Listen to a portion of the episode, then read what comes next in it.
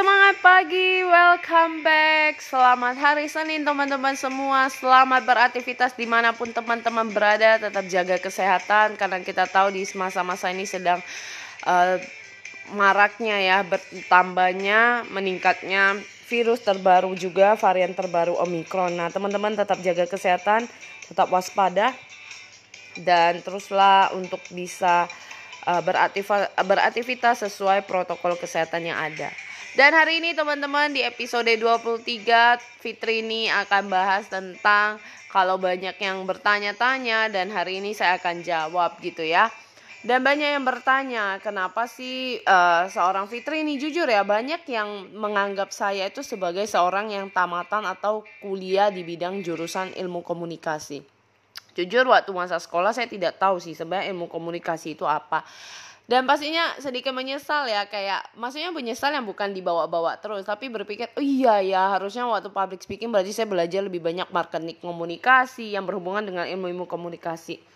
Tapi saya bersyukur sih sebuah ilmu ini saya belajar uh, sempat bekerja dan belajar bagaimana melatih coaching dan uh, menjadi coach. Dan akhirnya saya di masa pandemik ini saya berkarya lagi yaitu berkembang di dalam dunia public speaking itu karena saya mengikuti komunitas salah satu klub internasional Toastmaster. Di situ saya belajar sih belajar menjadi seorang mentor uh, memiliki menti belajar bagaimana di menti juga menjadi seorang menti gitu ya.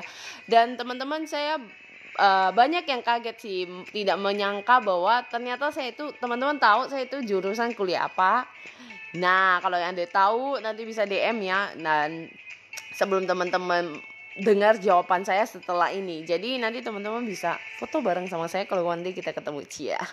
Uh, nah teman-teman, jadi saya itu kuliah berhubungan dengan ekonomi dan awalnya ingin memilih manajemen. Cuma manajemen kalau orang tua bilang, aduh nggak usah lah cewek ngapain manajemen kayak gitu, uh, mendingan accounting dan sebagainya. Tapi teman-teman akhirnya nurut ya. Dan hari ini saya belajar bahwa ya tidak nyesel sih apa yang kenapa dulu orang tua saya gini gak kasih dan sebagainya. Saya nggak menyalahkan mama saya dan sebagainya. Tapi saya bersyukur sih dalam semua kehidupan yang kadang tidak terjadi sesuai dengan apa yang kita mau. Uh, bukan berarti ya udahlah asal milih gitu ya. Tapi karena tantangan yang terjadi untuk membuat saya tidak menyerah saya bisa berjalan dan berdiri sampai hari ini itu juga karena kebaikan Tuhan ya pastinya dan teman-teman kembali lagi ke topik tadi yang orang banyak nggak nyangka dan akhirnya nanya kenapa sih bisa akhirnya menjadi seorang yang berani berbicara di depan. Teman-teman ini bukan hal yang mudah. Makanya kenapa saya bisa merasakan kalau orang yang nervous banget, orang yang benar-benar tidak sanggup bisa berbicara di depan mereka itu merasa diri mereka kok kurang ya nggak mampu. Karena saya juga mengalami bahkan saya benar-benar lebih langka kalau dibilang teman saya. Minder yang saya merasa udahlah secara mungkin akademis dulu saya bisa belajar gitu ya. Orang yang suka belajar kutu buku dan sebagainya. Tapi saya tidak suka di dalam kegiatan-kegiatan e, bersosialisasi berkumpul dengan orang berbicara di depan publik.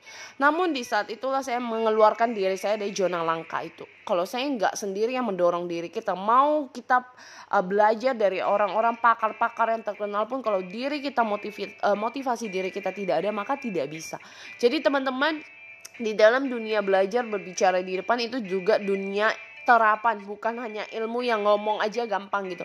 Tapi di saat kita mencoba dan mempraktekannya kita baru menyadari oh seperti ini ternyata. Namun itulah yang terjadi yang membuat kita ah ternyata seperti ini ya. Dan tidak seperti yang kita bayangkan senervous itu setakut itu sekilar itu gitu kan.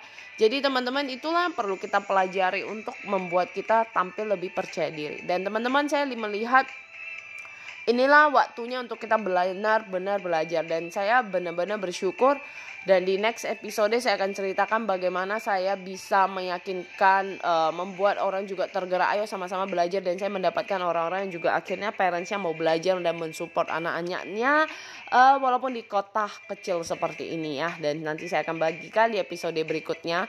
Semoga teman-teman apa yang saya bagikan ini membuat teman-teman khususnya anak-anak generasi muda ayo bangkit cari asa diri kita di mana kita punya. Bahwa hari ini kalau kita gagal di satu bidang bukan berarti kita kita digagal di bidang-bidang lain. Justru kita perlu ngasah lagi, bangkit lagi, coba lagi.